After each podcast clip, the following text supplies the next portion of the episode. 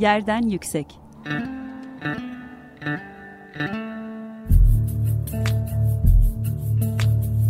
Kentin kent aşırı gündemi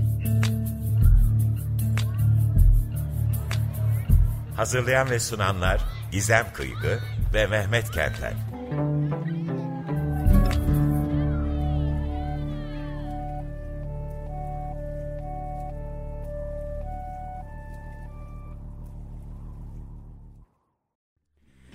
Senenin en iyi şeylerinden YYY'sin Burning'ini dinliyorsunuz. Yerden Yüksek'te Gizem Kıygı ile birlikte 2022 üzerine konuşacağız.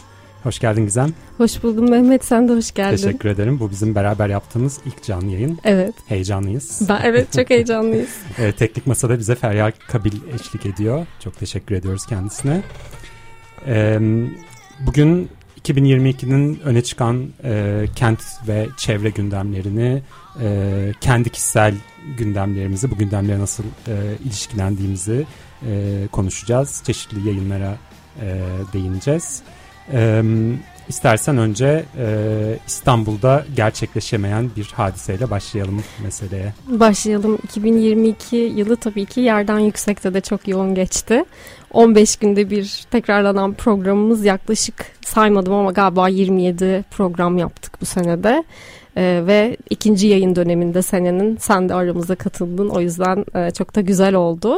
Teşekkür ederim. Ama 2022 biraz böyle Bizans e, yılı gibi başlamıştı. E, Bizans çalışmalarına yönelik e, iki tane büyük sergi İstanbul Araştırmaları Enstitüsü ve Pera Müzesi işbirliğiyle e, sergileniyordu, gösteriliyordu 2022'nin ilk günlerinde. Biz de yerden yüksekte bu sergileri olabildiğince değerlendirmeye çalıştık. E, sergileri hemen analım. E, İstanbul e, İstanbul'da Bu Ne Bizantinizm e, isimli bir sergi vardı. Emir Alışık'ın küratörlüğünde devam eden. Ee, ve de e, İstanbul'dan Bizans'a yeniden keşfin yolları 1800-1955. E, bu da Brigitte Pitarakis e, küratörlüğünde hazırlanan bir sergiydi. E, ikisi de yılın ortalarına kadar aslında devam etti. Bu kadar yoğun bir Bizans çalışmaları e, gündeminin olmasının İstanbul'da da aslında bir sebebi var. E, 2021'de e, Uluslararası Bizans Çalışmaları Kongresi'nin İstanbul'da düzenlenmesi planlıyordu ama e, gerçekleşemedi. gerçekleşemedi. E, o yüzden e, bu sene 2022'de Venedik'te e, gerçekleşti. Bunun da tabii ki kent gündemiyle doğrudan bağlantıları vardı. Senin de hem e, kurumun içinden e, izleyen hem de aslında tarihçi olarak izleyen bir insan olarak bu gündeme yönelik e, görüşlerini merak ediyorum. e, evet yani hakikaten e, kentin e, tarihi, kültürel mirası ve güncel e, araştırmalara açısından oldukça önemli bir e, konu. Birçok farklı e, meselenin temanın böyle kesiştiği bir şey. E, aslında önce pandemi sebebiyle bir ertelenme gündeme gelmiş anladığımız kadarıyla o anlarda yani bu e, ertelenme ve en sonunda da Venedik'e alınma e, sürecinde dışarıdan izleyenlerin çok anlayabildiği bir süreç olmadı bu. Ama şimdi geri dönüp işte hak işte röportajlar, makaleler vesaire yayınlanmaya başladı bununla ilgili tanıklıklar. E, biraz daha iyi anlıyoruz ki e, bir pandemi e, ertelemesinin gündeme geldiği sıralarda e, İstanbul'da Ayasofya'nın e, işte yeniden camiye çevrilmesi tabii bütün uluslararası Bizans kamuoyunun, Bizans araştırmaları kamuoyunun tepkisini çekti. Bir yandan yine anlıyoruz ki aslında devlet himayesinde yapılacak olan kongre devlet tarafından pek desteklenmiyormuş zaten oldukça uzun bir süredir. Bütün hazırlık süreci zor, meşakkatli geçmiş hazırlık komitesi açısından. Bunlar da birleşince komite kongreyi İstanbul'da artık daha yapamayacağını, e, bunun çok gerçekleştirilebilir bir şey olmadığını e, öngörmüş ve sonuç olarak e, 2022'de 2021 yerine ve İstanbul yerine Venedik'te kongre gerçekleşmiş oldu. Evet, kongrenin de izlenimleri şu anda İstanbul Araştırmaları Enstitüsü'nün blogunda yayınlanıyor evet, diye biliyorum. E, aynen, az önce ismini andığın e, sergilerden birinin küratörü olan Emir Alışık'ın e, derlediği bir e, izlenimler yazı serisi İAE blogda e, yayınlanıyor. E, kongreye katılan, Türkiye'den katılan e, genç erken kariyer araştırmacıların kongre izlenimleri e, hem şehre dair hem de kongreye e, dair izlenimlerinin e, bulunabileceği bir e, yazı serisi e, ilgilenenleri e, bloğa yönlendirelim. Evet İstanbul'un e, tarihselleştirilmesine yönelik de belki hani bu kadar güçlü iki tane serginin girmesi, konferansın yapılması, Ayasofya ile birlikte tartışmaların yeniden canlanması e, farklı bir aslında izlek sunuyor önceki yıllara göre. Artık hem e, kentsel e, çevre bağlamıyla daha fazla tarihi okumaya başladığımız kaynakta, etkinlikte, sergide, e, çeşitli sanat e, alanlarındaki üretimlerde de aslında İstanbul'un hem tarihi yazımına hem de imgesinin yeniden üretimine dair çok ciddi e, çalışmalar var. E, biz de 2022 boyunca elimizden geldiğince yerden yüksekte değerlendirmeye çalıştık. Sergilerin bir kısmının e, kayıtları, e, küratörlerinin değerlendirmeleriyle bizim e, güncel podcast podcast mecralarımızda da yer alıyor. Böyle hafıza tazelemek isteyen dinleyicilerimiz varsa e, Yerden Yüksek'in e, podcast e, hesaplarını takip edebilirsiniz. E, biraz böyle yayınlara geçelim. E, bizim de çok dert ettiğimiz bir şey Yerden Yüksek'te gerçekten kente çevresel bir bakış, kentin kent aşırı gündemi diyoruz hı hı. ve e, bu tarih yazımına da farklı pencerelerden bakan, farklı aktörleri işin içine katan birçok akademik ya da yarı akademik, popüler bilim diyebileceğimiz e, kategoride yayın çıktı. E, senin e, okuma listende bu sene neler vardı? E, yani bu sene e, hakikaten e, İstanbul üzerine çok önemli yayınların, uluslararası akademik e, camiada çok önemli yayınların yayınlandığı bir sene oldu. E, Bizans gündemini takip ederek e, ilk anmak gereken kitap bence e, The Cambridge Companion to Constantinople e, Sarah Bassett'ın e, derlediği ve Türkiye'den de birçok Bizans araştırmacısının yayınının Bizans ve hatta e, Osmanlı araştırmacısının da e, makalesinin olduğu e, Bizans alanında çok önemli Bizans İstanbul alanında çok önemli bir kaynak kitap e, Cambridge tarafından yayınlandı. Umarım bir an önce Türkçe'ye çevrilir. E, bu böyle 20'yi aşkın makale ve bahsettiğin gibi yeni yaklaşımların, kente yeni bakış açılarının, yeni aktörlerin seslerinin duyulmaya çalışıldığı e, oldukça önemli bir kitap. E, kitabın içinde e, Boğaziçi Üniversitesi'nden e, Çiğdem Kafesçioğlu'nun e, erken modern, işte daha çok Osmanlı İstanbul'unda Bizans e, üzerine bir makalesi var. Oradan da şeye atlayacağım. Diğer benim için bu senenin en önemli yayını olan e, kitaba e, A Companion to Early Modern İstanbul aslında biraz böyle birbirini e, tamamlayan iki tane companion e, cildi aslında birazcık e, hile yapıyorum. Bu kitap 2021'in sonlarında yayınlandı ama yani akademik gündemimize girişi 2022 diyebiliriz. e, dolayısıyla e, bu hileyi yapmama izin e, verir umarım dinleyicilerimiz. E, bu Şirin Hamade ile Çiğdem Kafesçioğlu'nun birlikte editlediği bir kitap ve e, yine e, çok önemli e, Osmanlı tarihi araştırmacılarının, İstanbul tarihçilerinin bir araya gelip çevre, e, işte toplumsal cinsiyet, mekan da adalet, felaketler vesaire birçok farklı konuda mimarlık tabii ki e, makalelerin derlendiği ve bundan sonra İstanbul'a dair tartışmalarımızı sadece erken modern İstanbul'a değil e, daha genel bir açıdan İstanbul çalışmalarına büyük ölçüde yön verecek, o tartışmaları besleyecek çok önemli bir kitap. Evet, ta, tabii ki bir sürü yayın çıktı. Bunların içinde bizim de yerden yüksekte ağırladığımız e, çevre tarihçisi Onul e, İnal'ın derlediği iktidar e, tohumları da var. Yeni e, Telek'ten e, yayınlanmış Didem Bayındır ve yine yerden yükseğin müdavimlerinden olan sevgili e, Mine Yıldırım'ın birlikte derlediği ekoloji e, var. Bir arada yaşamın geleceği. Ki, ki bu kitabın e, içinde yerden yükseğin en önemli müdavimi olan senin de bir e, makalen var. Dolayısıyla biraz senden dinleyebiliriz belki bu ee, e, kitabı. Evet yani çok e, hacimli bir toplama. E, biraz Türkiye'deki pratiklere de bakıyor. Tam aslında e, kentsel ekoloji, e, hayvan hakları, e, bakış, tarih yazımı nasıl değişiyor? Bu, gibi farklı farklı konuları bir arada derleyen içerisinde iklim üzerine düşünen uluslararası alanda çok işte saygı gören düşünceleriyle hepimizi etkileyen e, yazarlarında makalelerinden çeviriler olan büyük bir toplam aslında. Taze çıktı. Bir iki hafta oluyor zannederim. Geçen hafta ya da ondan önceki hafta çıktı zannederim.